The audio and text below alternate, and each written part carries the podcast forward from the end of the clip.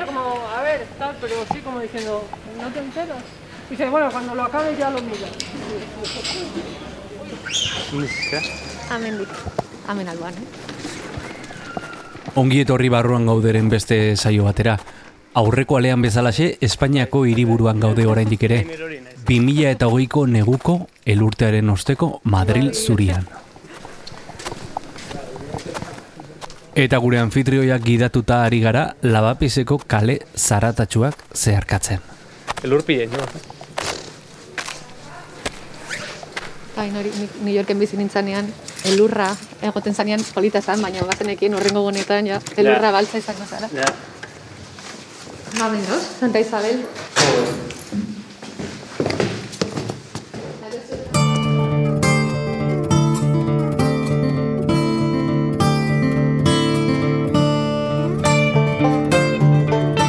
Gaur barruan gauden Isabel Cadenas Kainonen etxean sartuko gara. Beti pentsatzen dut, bueno, nire aitak ez du entzungo, nire aitarekin hitz egiten ari nazela, e, podcast guztietan. Zaitez politikan sartu, como, aita, banago sartuta, baina gorputz oso daukat sartuta, ezta? Eta politikan sartuta nagoelako naz, ni nazena.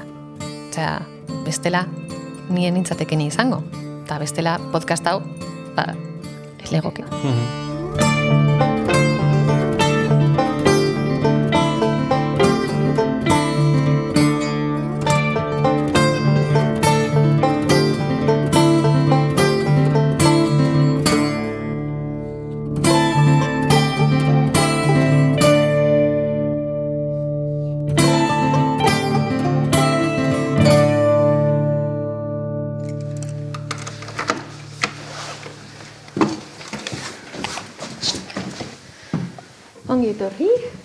Iepa. hau zukaldea da, Etxean sartu eta pasillo luze batek egin digu ongi etorria. Bizikletak daude orman zintzilik. Sukaldeak begiratzen gaitu eskubitik eta parez pare dator argia, egongelako lehioetatik. Eta hau da, bueno, hori, saloia, egon gela. Landariak normalean kanpoan dauz, baina, bueno, barroan sartu da, ze... Bai, bai, bai, otzonekin. elurrekin eta otzonekin. Eta hemen egin dutik lan, e, lan gehiena egiten dut hemen. Hala zure bulegoa. Bai, Freelance est- estudioa deitzen dut nik. Ez dakit zergatik. Egongelari itxatxita dago, Isabel Cadenas Kainonen estudioa, lantokia. Bueno, Zerbait grabatzen zuen hemen, estudioan. Estudioan, hemen grabetan dute normalean, bueno, hemen hori, dana montadetu, baina hemen normalean, bueno, mikrofono honekin bai grabatzen dut gauza, baina gero ondo egiteko, honekin txartu egiten da, eh? bai. Eta gero ja, ba, Egongelako mailan mikrofonoa jarri eta solasteari ekin diogu. Isabel, elkarrezketa hau prestatzen, esaten nun, jo, ze gauza kuriosoa, eta harremana dauka podcast gintzarekin, eta hori ez. E, nik ezagutu zaitut podcasta entzuten, eta nik zu. Berdina. bai, Eta, eta gauza kuriosoa da, ze egia da podcast bat entzuten ari zarenean, e, batez ere de eso no se habla bezalako podcast bat, ezta? En, azkenean sentsazioak azula, Bai. ahots hori ezagutzen Bai. azula. Neri hori ba gertetan zitzaidan baitu bostonera jo nintzen lehenengo aldian, hor e, Googleen e, programa egiteko, ba, e, Ir Hasselen aurkezleak ezagutu nituen, Nigel Poor eta e, Erlon Woods, eta lehenengoan hitz egiten eurekaz, eta nik uste dut begiratzen dinutela, como, hau zain da, eta zergatik. Eta orain, em, orain nik jasotzen ditut delako gauzak. Jendeak idazten dit, et, bueno, idazten du podcastera, eta naiz eta hori talde batek egin podcasta, beti lehenengo pertsonan idazten dute, bueno, bigarren pertsona idazten dute, niri, ezta? Como, ai, bilo agostetan jata zure podcasta, edo, eta horren historia kontetan. Eta, joa, niretzako hori oso harrigarria zan, hasieran, baina gero, bueno, harrigarria eta polita. Eta gero, ba hori, e, azkenean konturatzen zara zein ba hori irratiaren, ez da podcastaren, irratiaren e, audioaren e, botereaz, ez da? Ze etxen, pertsonen etxeetan sartzen gara be bai. Eta bai, eta hori magikoa den ikusten ez dan zerekin, ez da? Ze hori da irratiaren audioaren magia, ez da? Ez dala ikusten, eta heltzen dala zeure belarrietara. Ah, literatura bezala, ez? Baina literatura ikusten da, zuk ikusten dituzu hitzak, Hitzak bai. baina uinak ez dira, ez dira ikusten. Eta izan ere, nola, nola da posible irrate batek hartzea uinak eta uinak zure etxera altzea. Mhm. Jo, eske netzako da magia, utza. Marko nirentzako bai basan, ezta? Magia utza. E, ebokazioa, ebokatzeko dala ona irratia, ezta? Orain asko entzuten da podcasten inguruan, ez da? En, ni zintzazio ematen dit, ba, ematen du modan jarri dela bezala, ez da? Eta mundu guztiak itzin behar du hortaz, edo e, mundu guztiak egin behar du zerbait horren inguruan, baina zintzazio ematen dit al- aldi berean, ez jakintasun handia dagoela. Mm. Alegia, itzin behar da modan dagoelako, ez, Bai. ez beste zerratik. Zertan bere izten dira podcast gintza edo podcasten formatua irratiarenekin.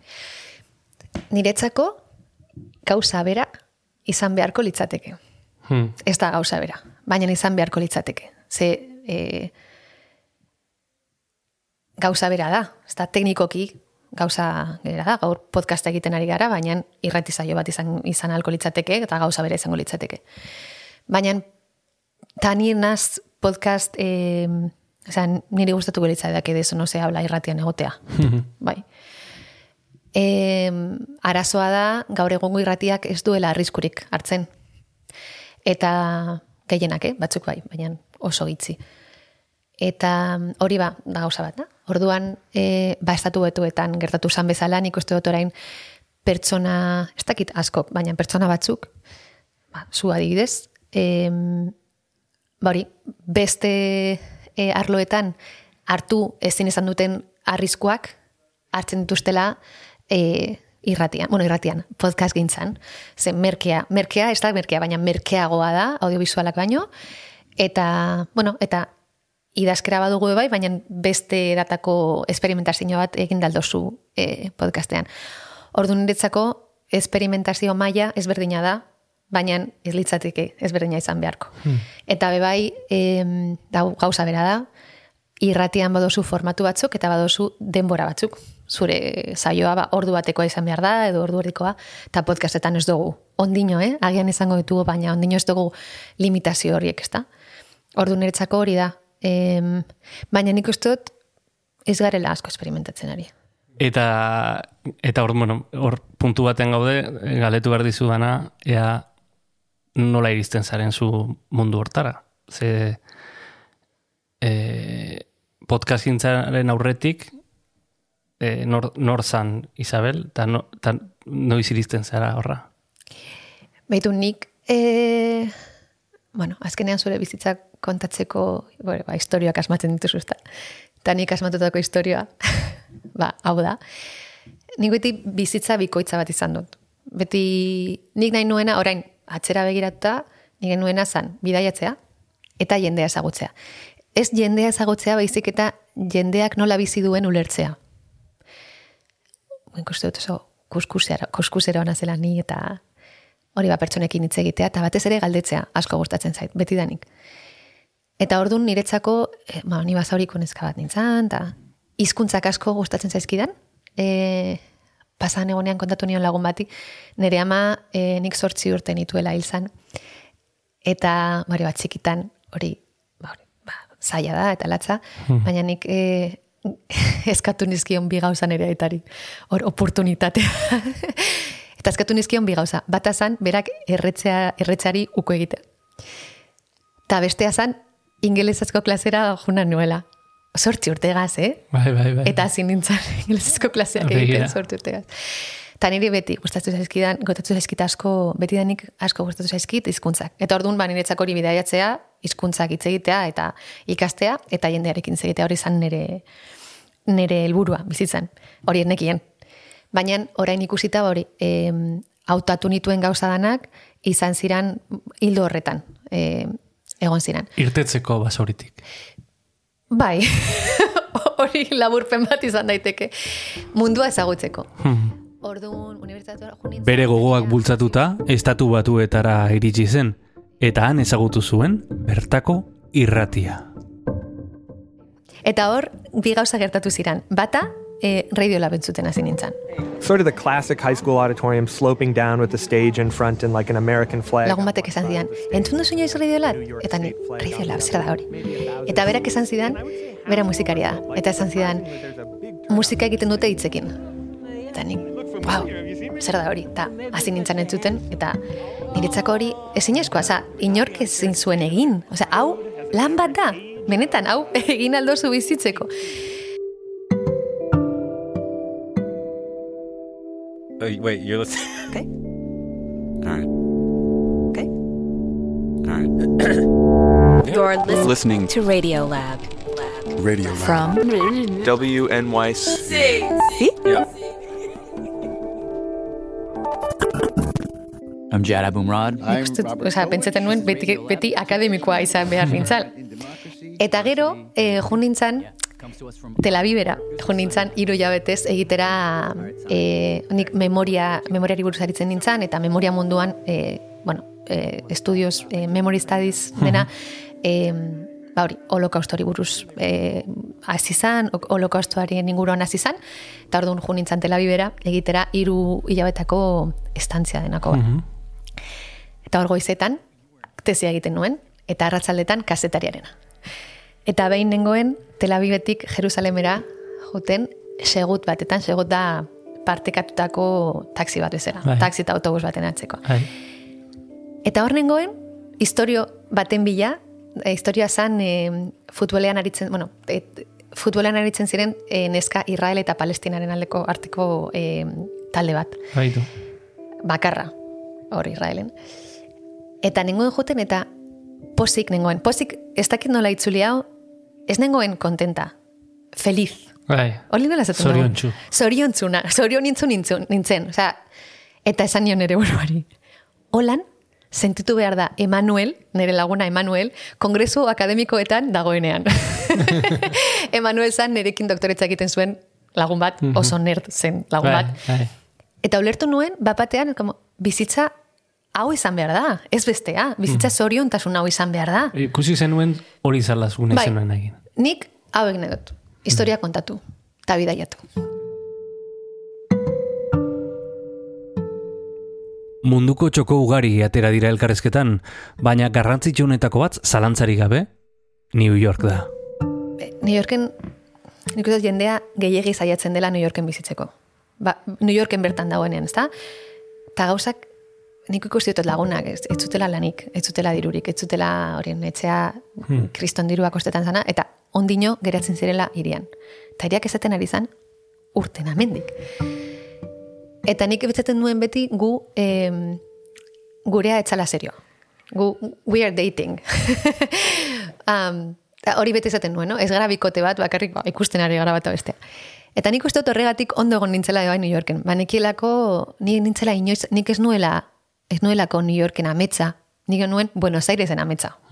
Baina New York, bueno, ba, bai gertatu zitzaidan, eta hor bizi izan nintzen, eta zazpi urte, eh, bizi izan nintzen.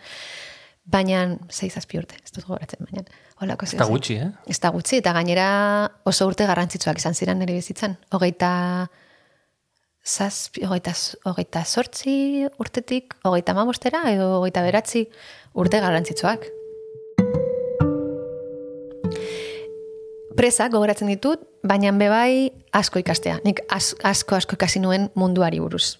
Eta beste, beste herriei buruz. Hori da New Yorkeko gauzarik niretzako bitxiena. Hor zago ezela, baina, ba hori, e, Polonian nola bizi diren, elo, e, ez dakit, ba, jud- judutar ortodoxoak, ultraortodoxoak nola bizi diren, edo, ez dakit, ba, txinatarren nola bizi diren, jakin nahi aldo zula, ezta? Eta hori niretzako da,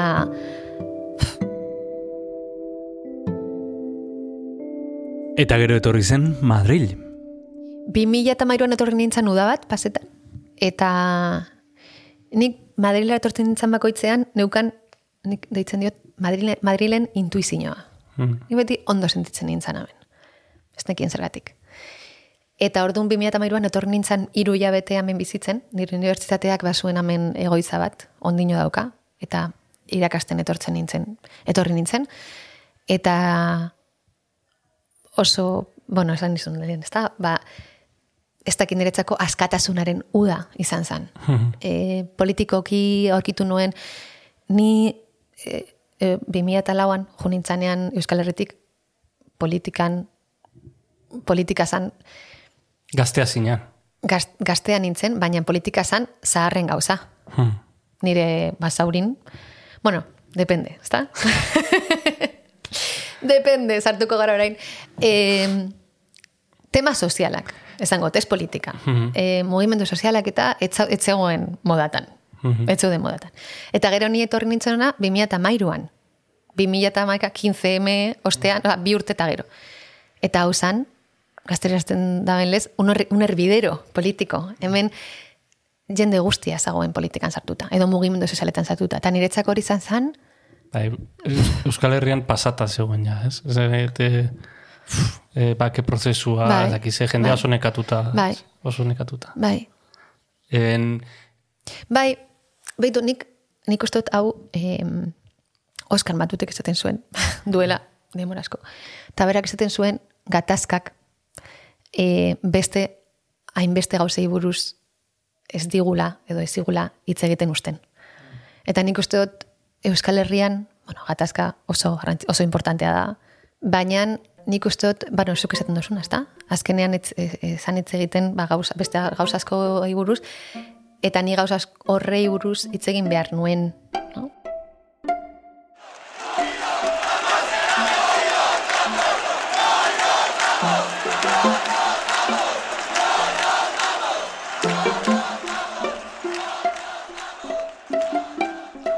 no? M15 mugimenduaren Madril da Isabelek kutxun duen iria. Anitza, aurrerakoia, ezkerrekoa. Sukaldera joan gara kafetxo bat prestatzera, eta bere Madrilen inguruan galetu diogu. Kafea prestatzen ikasi dut duela bosi jabete. Etxe kafezalea? Bai, zalea bai, baina ezin dut eh, dan. Ze oso ordurren nila normalean, eta gainera kafe hartzen badut, baina hori orain prestatzen badakit. Orduan, arro sentitzen naz. Kafe bat prestatuko dut. Madrid ederra da, eh? Jo. Jo, baina noin, leio horretatik ikusten ari zarena. Bai, bai, hau da, olako Hori gustatzen zaizu? Olako gauzak, bai, bai. Bai, patioak. Netzako hori Andalusia da pizkat. Baita. Hori zuritasun hori eta... Bai. Bai, Madril netzako umila da. Ja. Eta hori asko gustatzen zait, zitzaidan. Orain, nik uste dut konfinamenduarekin eta guztiok hasi dela pentsetan, ez da? Non bizi garen eta Ja. ea posik gauden.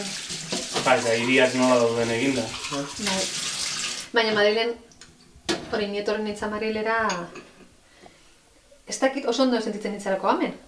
Mhm. Baina orain hori, eske, Bueno, guztua zaude Madriden. gustura nengoen. Mm.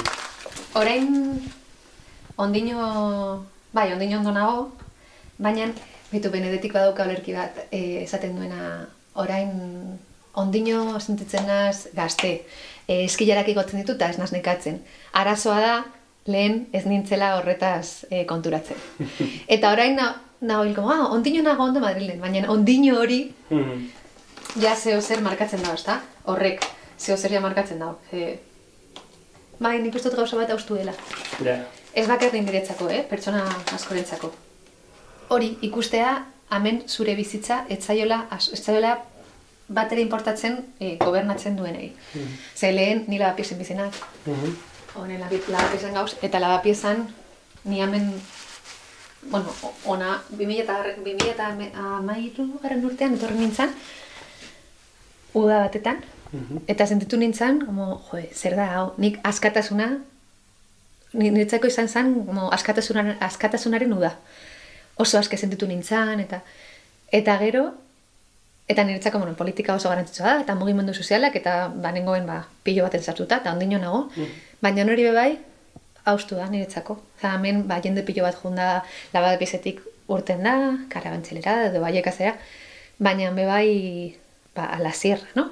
Eh, eta pizkanaka, ba, hemen zegoen, eh, holan, tejido sozial deitzen duguna, ba, desagertu da. Eta orain, ba, gertatzen ari diren gauzekaz, ez dago manifestaldirik, edo badauz oso txikiak dira, ezin gara irten, Orduan hori lehen ba oso erraza zan erresistentzia edo batera erresistitzea orain zailagoa.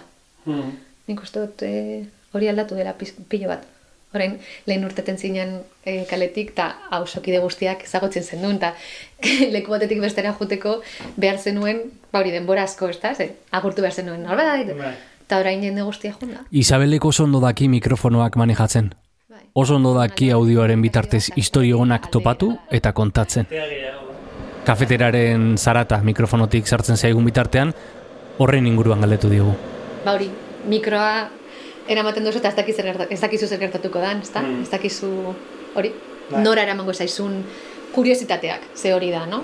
Nire sentsazio ematen dit, eh, errexagoa dela Osa, lortu, lortu berdezula e, ikusentzunezkoetan lortu nahi dan berdina, dokumentaletan, alegia, kamera desagertzea, kasu honetan mikrofona desagertzea baino. E, igual batzutan errexagoa dela mikrofona desagertzea, e, kamera baino. Kamera beti dago hor begira, Bai. eta, eta mikrofona jendea Oso erraza da az- aztu egiten da. Ez? Bai, hasieran izutu, Bai. bai? Ai, zein handia dan, baina Bai. hori eta gero bi minutu barru Bai. bai. Astu, hori bada, bueno, hori badakizu. Bada mikrofonoa ba zure laguna delako, baina be bai zuk nola zuk mikrofonoa bat txarto hartzen badozu edo zuk zu zeuk importantzia asko emoten badiozu mikrofonoari, ba besteak be bai emongo dio. Baina zuk hor badozu mikrofonoa, beste gauza baditzez, Vale, ba, erraza da. Eta nik uste dut azkenean pertsona garela, ez? Nik prentza, prentzan elkarrizketak egiteko oso txarranaz. Ai, ezak hori da... Eta, eta irratirako, ba, asko gustatzen. Bueno, irratirako, audiorako asko gustatzen zait. Em, jo, horren daukagu, estereoan. Bi soinu hemen irrat, eh, kafea eta, eta tea. Tea gehiago. Ez, e, galetu nahi nizun e, ezinbestean e, basaurin inguruan. Ze, e, gia da, zure kapitulo batean, basauriko emakumeen kapitulon, aipatzen duzula hasieran basauri, e, ez dakit, e, etzen nuela, e, ez zinela arro basaurikoa izateaz. Ni enago arro, nik ez dut ulertzen arro egotea zure jaioterriaz. Osea, hor jaio zara kasualitatez. Orduan, bueno, ba, men jaionaz, eta... Em, ez, ez dut ulertzen. Baina, horrez gain, niretzako basauri zen grisa. Hmm. Bai. E, ez, ez baitu aurpegia, eh? ez zitzadan gustatzen. E, itota sentitzen, nien, sentitzen nintzen maiz basaurin. Netzako unibertsitatea ju- jutea izan zen kristongo liderazioa. E, Bilbora jutea egunero eta Bilboko lagunak izatea, basauriko lagunak baitute, eta nire, nire betiko lagunak eta Bai. basaurikoak dira. Baina, bai, itota sentitzen nintzen, eta ondino ez dakit ondo zergatik, eh? Em, ezin dut ondo azaldu.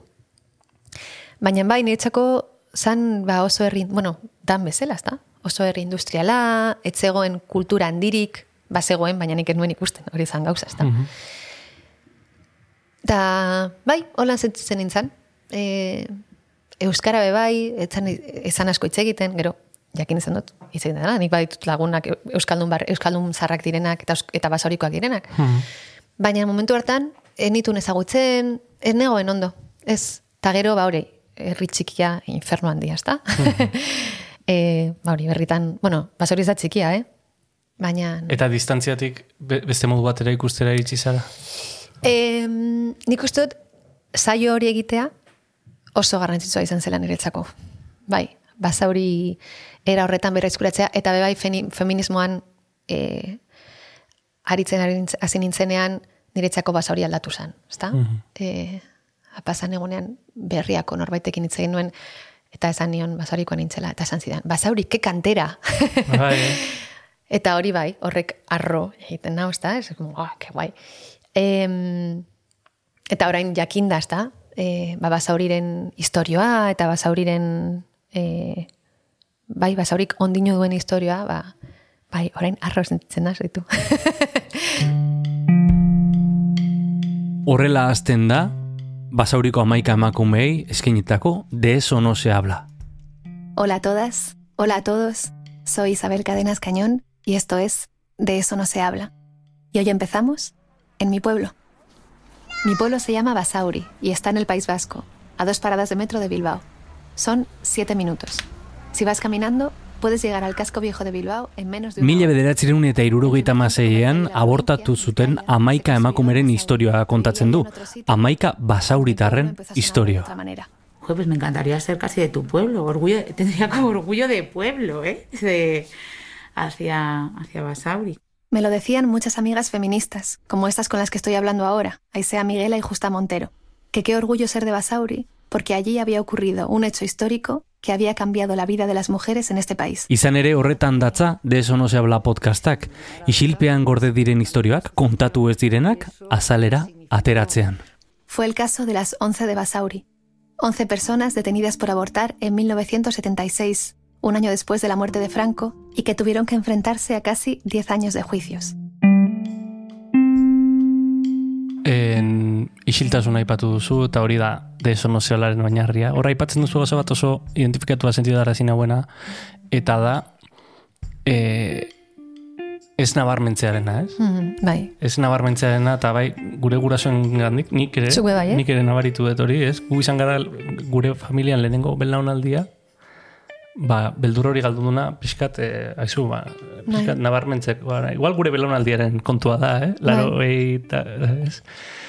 Baina bai, eh, nire familia nere oso presente gondala, aizu, eh, ez nabarmendu. Bai.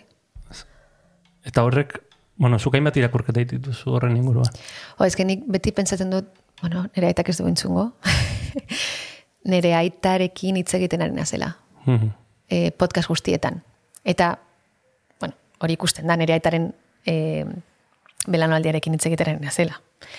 Ze, ia historio guztiak da, hori ba, transizioarekin, zeo zer, e, zer ikusirik dute ez da. Eta, bai, niri beti, eta nik, bueno, posinago, zuk e, hori e, lortu duzuela, baina nik ez dut lortu ondino, eh? Hmm. Nik ondino gauza batzuk ez ditut egiten ez nabarmentzeko. Eta, bueno, niri beti da nik esan didate... Akaso nik ere ez lortu, eh? Mm. Bai, bai sumatu detela talkan ere guraso izeba osaba Mm. Bai. desberdintasun badago, ez? Bai, bai, bai. Beldurra. Beldurra. Ta, oneritak esaten ziren, eta ondino esaten dit, eh? E, zaitez politikan sartu, es como, aita, banago sartuta, baina gorputz osoa daukat sartuta, ezta? Eta politikan sartuta nagoelako naz, ni nazena. Osea, bestela nien nintzateken izango. Eta bestela podcast hau, ba, etzegoke, ez da? Mhm. Ez legoke. E, nire esaten zidaten, ez zaitez inoz dizarri lehenengo jadan. Joe. Ez da, edo hori ba, arropa grisak, bueno, grisak ez, ez, baina arropa ez e, normalak Mhm. e, erabiltzeko, edo lako gauzak. Hor dago, badago beste kapitulo bat, memoriaren inguruan hitz egiten duzuna, eta hain zuzen ere ez nabarmentzaren gaia berriz ateratzen da Emilio Silvaren kasuan, e, eta oso esaldi polit bat diozu, eta memoriaz ari naiz, eh?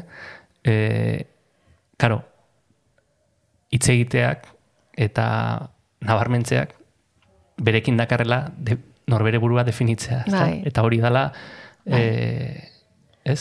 Bai, bai. Ausartz, ausarta izan behar zarela e, hitz egiteko, ze horrek definitzen zaitu, horrek agirien uzten ditu zure ahuleziak eta Bai. eta indarguneak eta dana. E, Bai.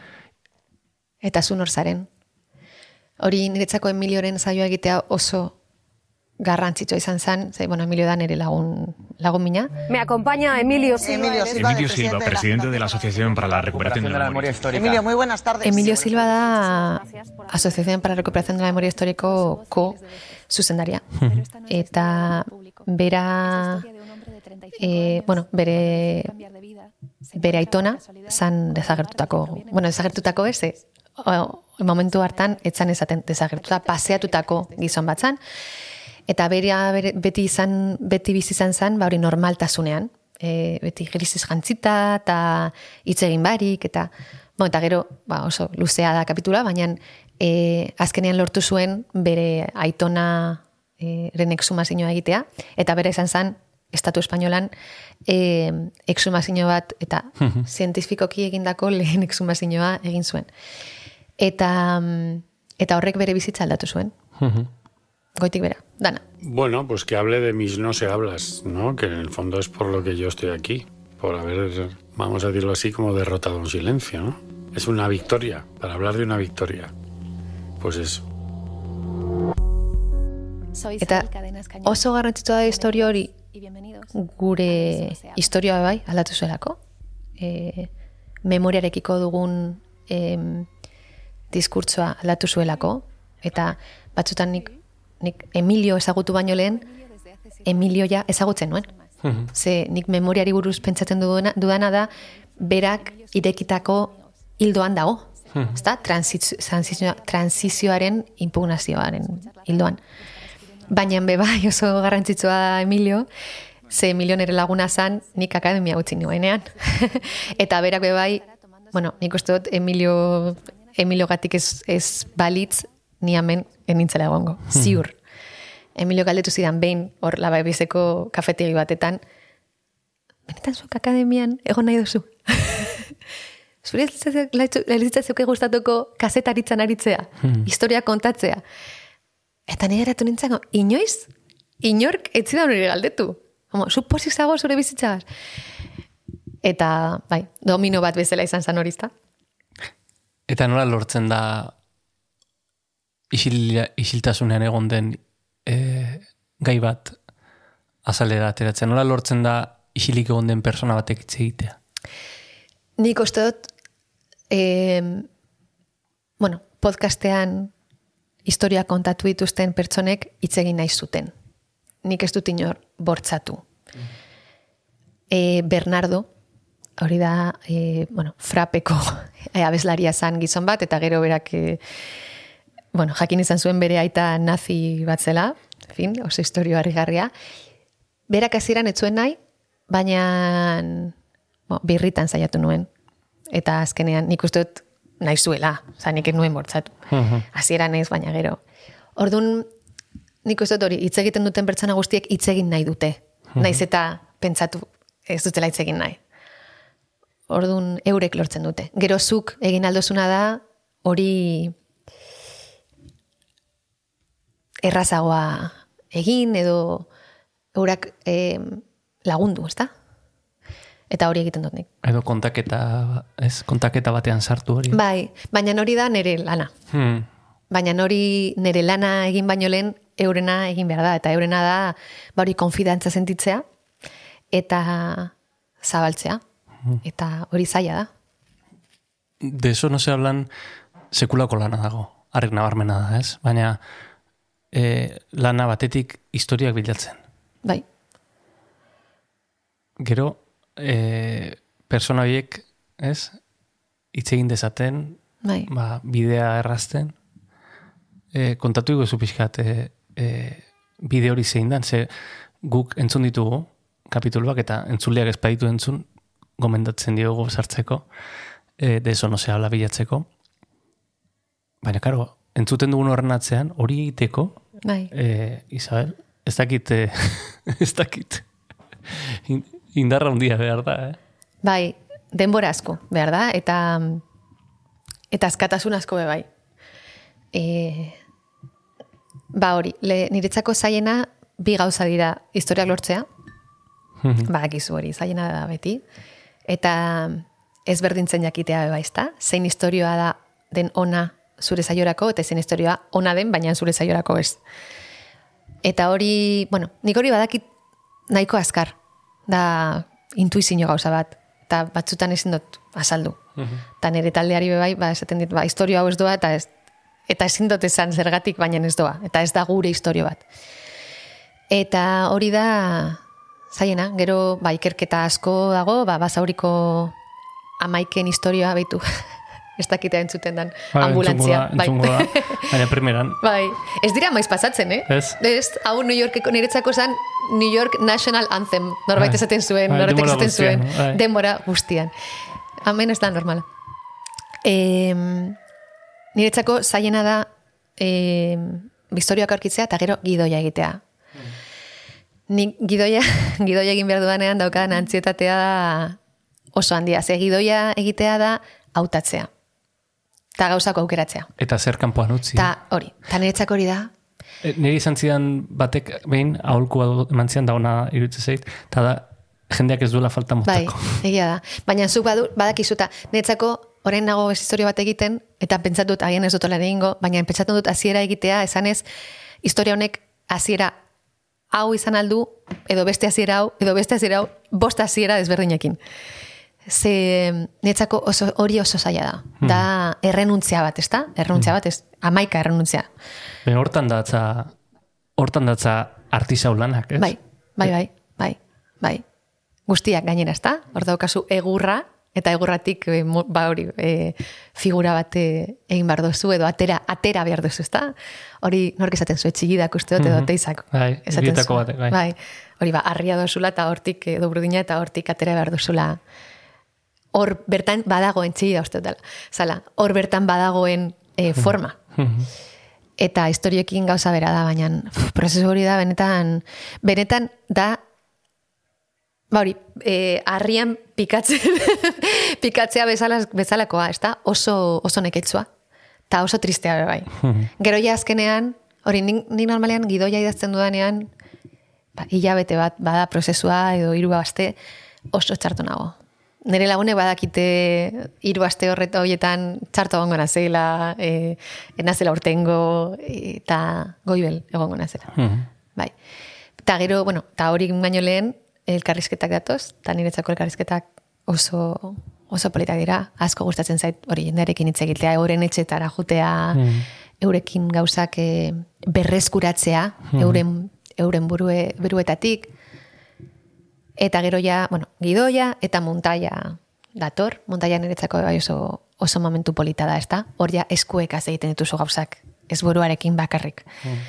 Eta nik hori faltan botatzen dut nire bizitzan, bai. Nola egiten duzu gidoia? Negarrez. E, eta, Gidoia ari bat aurkitzea da, nik uste dut. Eta aria aurkitzen duzunean, aria jarraitzea. Baina zaiena da, baina ari, hainbeste ari dituzu. aukeratu egin behar. Hori, aurkeratu egin behar.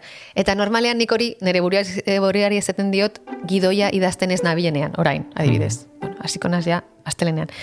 E, eta azkenean, ariak ez du asko inporta. Ze naiz eta amendik hasi edo beste lekuetik hasi, historio bera kontatuko duzulako. Mhm. Zuk bad, badakizulako zer kontatu nahi duzun. Baina hori aurkitzea zaila da. Eta batzutan, ba, nik batzutan lagun batzuekin, hori ba, honetan era eritzen diren lagun batzuekin, edo nire taldeko pertsona batzuekin esaten didate, como, joi, ba, egin azkarrago. Eta nietzako, ezke zinezkoa da, azkarrago egitea. Eta ez da, ni nagoela etxean denbora osoan idazten. Baina historia zure buruan egon behar da, eta zure gorputzan, eta bizi, eta gero, eta gero, espero ez duzu momentuan, ba, zeo zer, batera, ez badakit zeo zer agertuko da. Iluna intzagu. Bai? Ja, konturatu nahi ez dituela ikusten.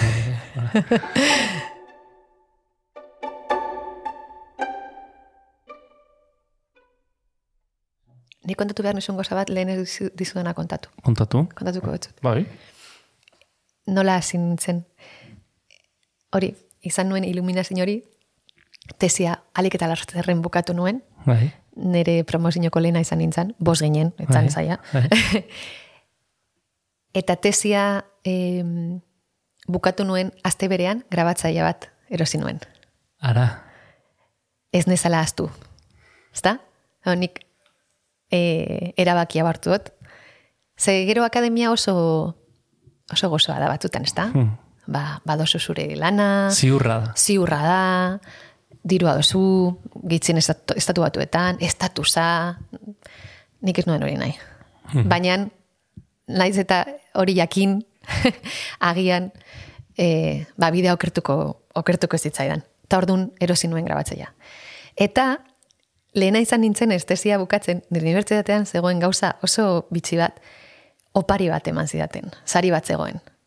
Eta sari hori zan, e, bilete bat, egazkin bilete bat, edo nora. Ostras. bai, nik nahi nuen lekura. E, ama bila beti nituen erabiltzeko.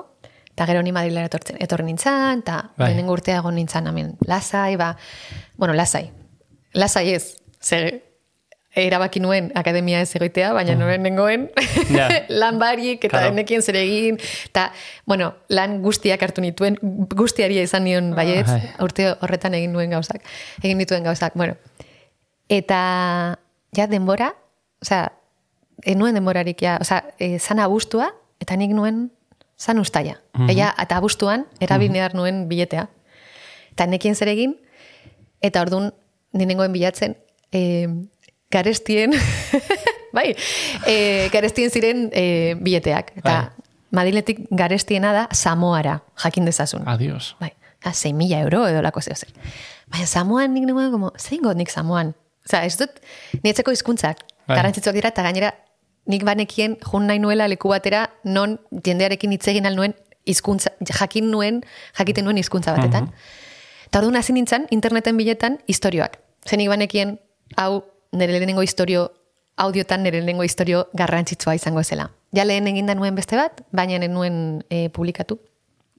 Eta hor, Deutsche Wellerekin egiten nuen lan, e, Alemaniako irratiarekin, baina net oso historio laburak ziran, eta, eta orduan aurkitu nuen, Brasilen, bazegoela herrialde bat, bueno, herri txiki bat, non emakumeak baino ez ziren bizi. Eta orduan, eta orduan hor jakin izan nuen, momentu hortan, bale, ni horra noa. Bueno, deitu nituen emakumeak eta esan zidaten, ez da egia. Hemen gizonak badagoz, hori Ah, lehenengo gauza esan zidatena, eta bigarrena zan, eta gu ez gara feministak. Zen iretzako zan, hori, pues, el, el paraíso feminista, bakarrik emakumeak. Eta orduan gogoratzen dut, Emilio ditu nuela. Eta esan nion, Emilio, betu zer gertu zaidan? Eta ni juteko nintzen, amar egunetan, eh? Eta esan zidan, Emilio, gogoratzen dut, te has quedado sin historia, esan zidan. Eta nik ezin nion, esan nion, nik uste dut historia hor dagoela. No? Zergatik munduan zehar pentsetan dugun, dugun e, badagoela herri bat Brasilen nun emakumeak bizi diran bakarrik, eta hori ez da legia. Eta horra jo nintzen, eta hori izan zen nire lehenengo historio garrantzitsua audio bintzan.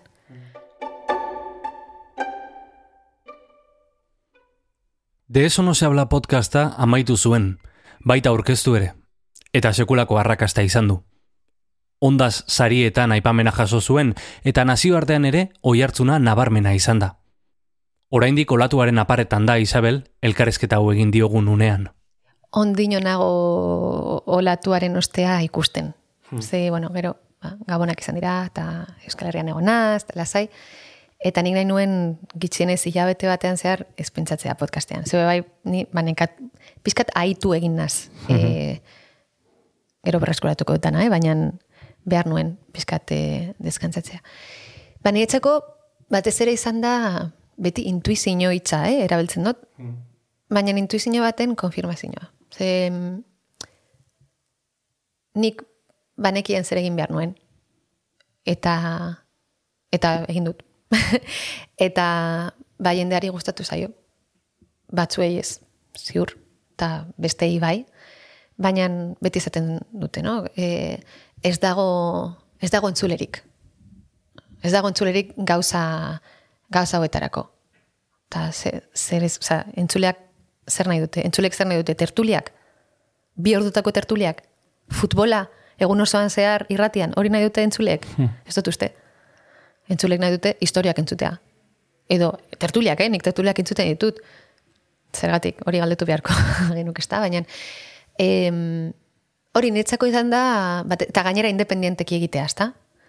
Ez to, ez to dala egin eh, Spotifyrekin edo, edo podiumekin edo inorekin ez independenteki egin. Eta hori niretzako oso, oso importante izan da. Lenguan, irrati batean esan zidaten, e, bueno, nire eskalan, baina gertatzen zait baita ere, ba, Euskal Herrian deitzea podcasten inguruan komentarioren bat egiteko, ez? Eta eta esan zidaten, bueno, eta, jo, eske podcastena erresa da, ez? Audioa igotzea, eta norberak bere audio igotzea, eta oso erresa, eta merkea da. Bai. Hori bota ziaten. Eta Bai. bueno, merkea da, ez pa ez ordaintzen Bai. lana. Ze, Bai. sartutako orduak ordaintzen Bai. baituzu, zu, Bai. zu, eh, zu kobratzen bezala, pues hemen ere Bai. gauza garriztia dira. Bai. Hori, nahi duzu argia piztea? Piztu, bai, Nahiago duzu, ala... berdin dit. Eh. Niri berdin ditu, bai. Bai, ilunpetan gaude. Bai. eh? Ilunpetan gaude, iluna barra sartu da Madrilen, eta argia joan daia da. Baina horra audioaren abantaietako bat, hitz egiten jarraitu gal izan dugu. Eta profes- profesionalizatze hortan ere, gure problematako bat, ez dakit hau interesatuko zaion inori, baina da, eh, nola, nola egin aurrekontuak, nola baloratu lana, ez? Ze, azten bazilin bazara kontatzen orduak, Bai. Izan daiteke superprodukzio bat, ez? Bai, Eta bai. no- noraino jaitsi, noraino, Bai, ez? bai. Bai, niretzako hori da ezinezkoa. Ezinezkoa. Eta, gainera, ¿cuánto cuesta un podcast? Pues, pues depende. Zer egiten dozun, ze podcast hori beba, izta. Batzutan ratian entzuten dut, hoy vamos a lanzar el podcast. Hau ez da podcast bat, da. Hau, da, hau ez da podcast bat, hau da saio bat, dokumentari bat, eta orain, oza, hain txiroa da, hain eskaza da, entzuten dugun irratia, ezen ez daudela hitzak gauza berriak izendatzeko. Gauza berriak ez, gauzak izendatzeko. Ze, hori, em, podcast hau irrati batetan egiten den gauza bat, ez da podcast bat. Podcast bat da, guk egiten ari gare, guk egiten ari garela, garena.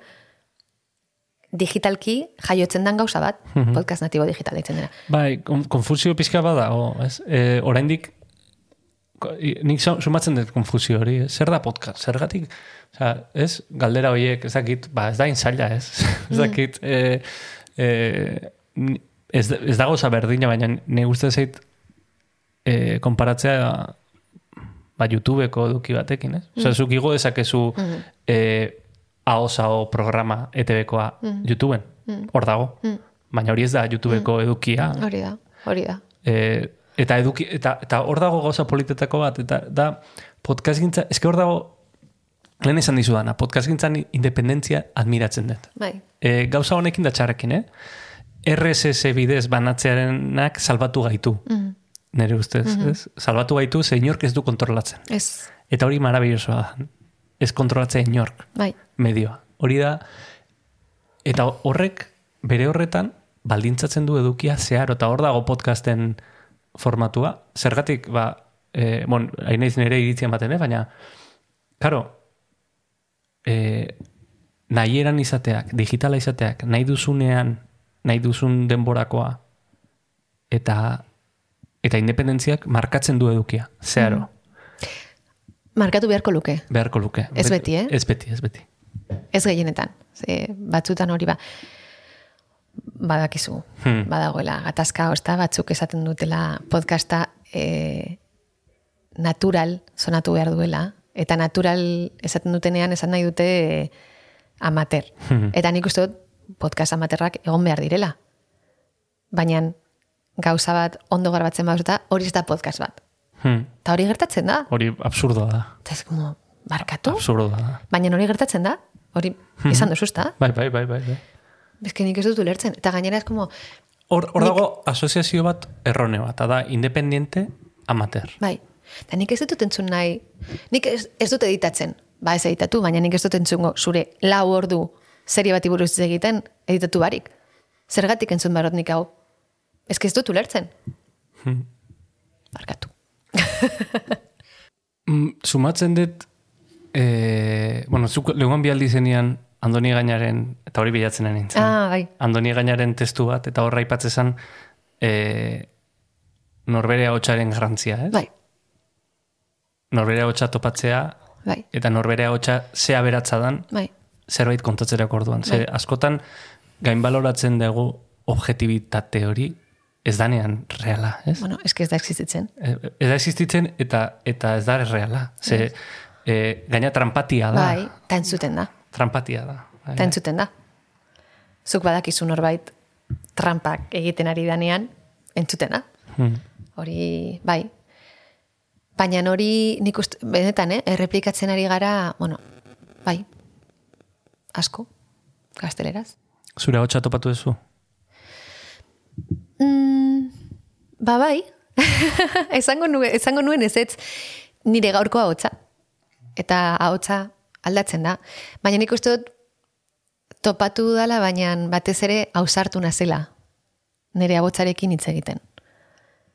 Eta bebai, naiz eta saiatu beste bat izaten, azkenean zuzarela. Ezta? Azkenean, eta hori polita da. Eta nik orain e, lehen egindako gauzak begiratzen baditut, ba nire azken liburua, ba hori da nire tesia izan zen, nik saiatu nintzen objektiboa izaten, eta bateziaren erdialdean, ba, ikusi nuen gezurretan nemilela, ezta? Eta, ba hori, eta orduan erabaki nuen nire buruari buruz egitea tesi batetan hori da, debekatuta dago. Eta, bueno, abotzari buruz asko egiten dut, ezta? Eta bitxia da, ezta? Justu tesi hori bukatu, nik osi dut tesi horren azkenengo hitza edo azkenengo hitzenetariko bat da abotza. Es la historia de una mujer que encuentra su voz, ¿no? Uste dut, eh, y sus voces amigas. Uh -huh. Eta gero justu abotzarekin lan egitea. Nik beti, beti da nik egin dut lan abotzarekin, eh? Baina, bueno, gero nire hogi bidea abotza izatea, ba, bitxia da, eta narratiba hori eraikitzeko polita beba izta. Nire bizitzaren narratiba. Ez dakit. Ez zure hotxa entzuten jarraitu nahi dugula.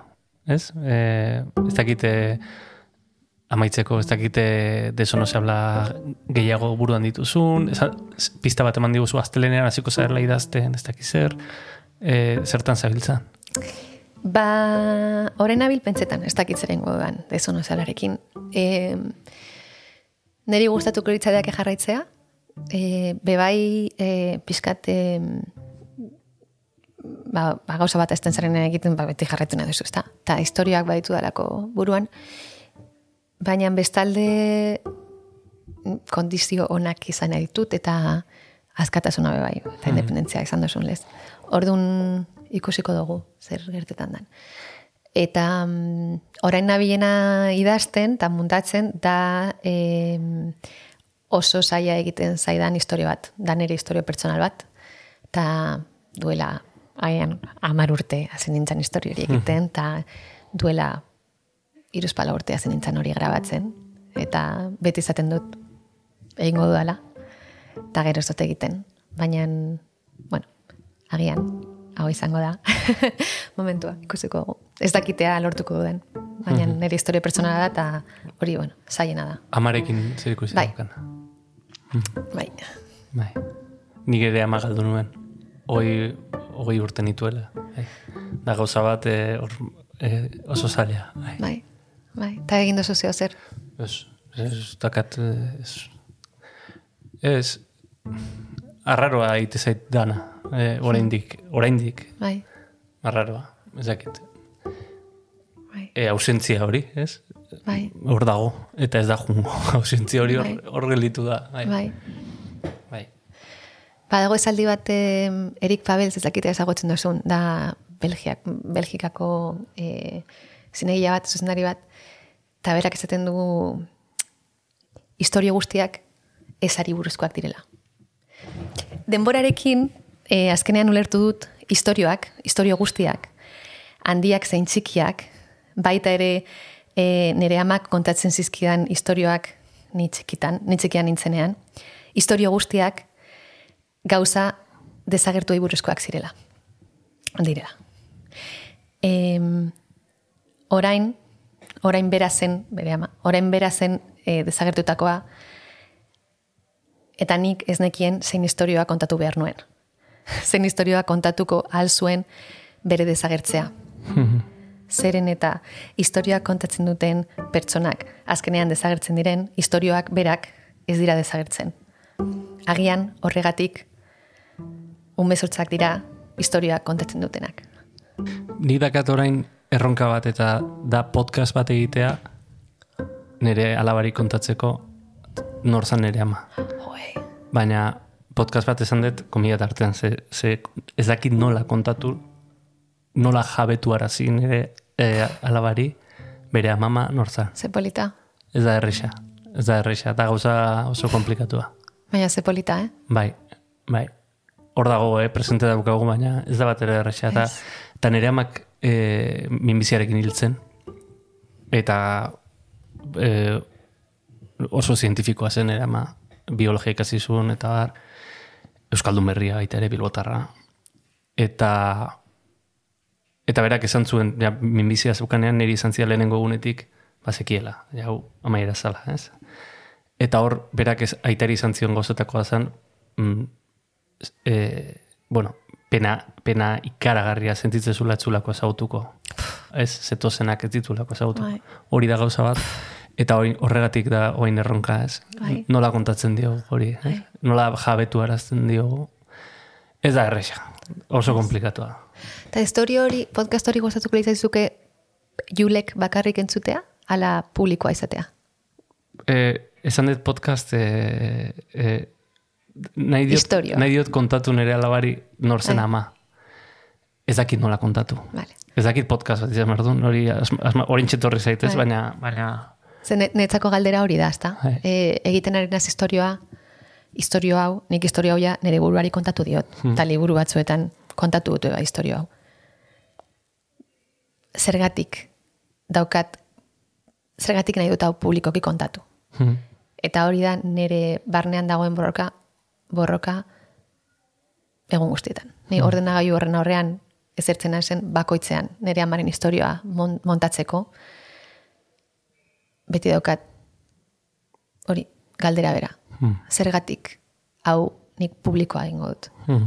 Eta nire aitari galdetu diot, nire, nire aizpari galdetu diot, nire izekoei galdetu diot, eta guztiek dauz ados, nire aitak esan zidan duela bila bete asko gustatuko litzaideak ez zure amaren historia kontatuko bazenu. Beitu, eh, nire aitak hori esatea. Eta izan ere niretzako da ez dakit intimitate bat hausten ari nazela sentitzen dut, eta aldi berean kontatu behar dudala. Orduan ez dakit nork irabaziko duen borroka hori, ez dakit nor izango dan garaie. Bueno, gu beste aldean egongo gara entzuteko, dana dela, hori izan, ela beste zerbait izan. Eskerrik asko etxeko bateak zabaltzatik, Isabel. Mila esker zuri etortzeagatik, Madrilera, elurpean. Hori da. Mila esker. Bezarka bat. Bezarka da bat zuri.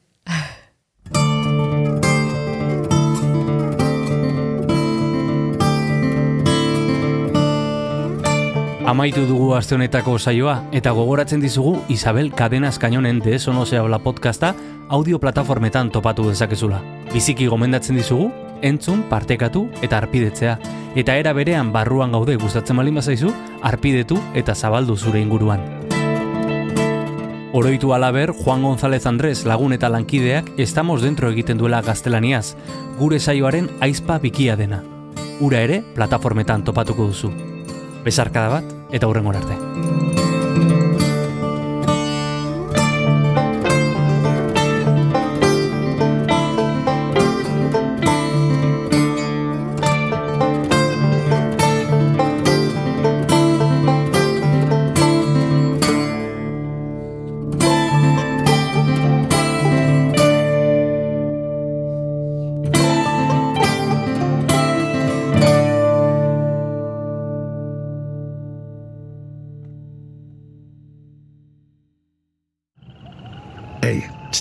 Entzun hori. Ulu Media.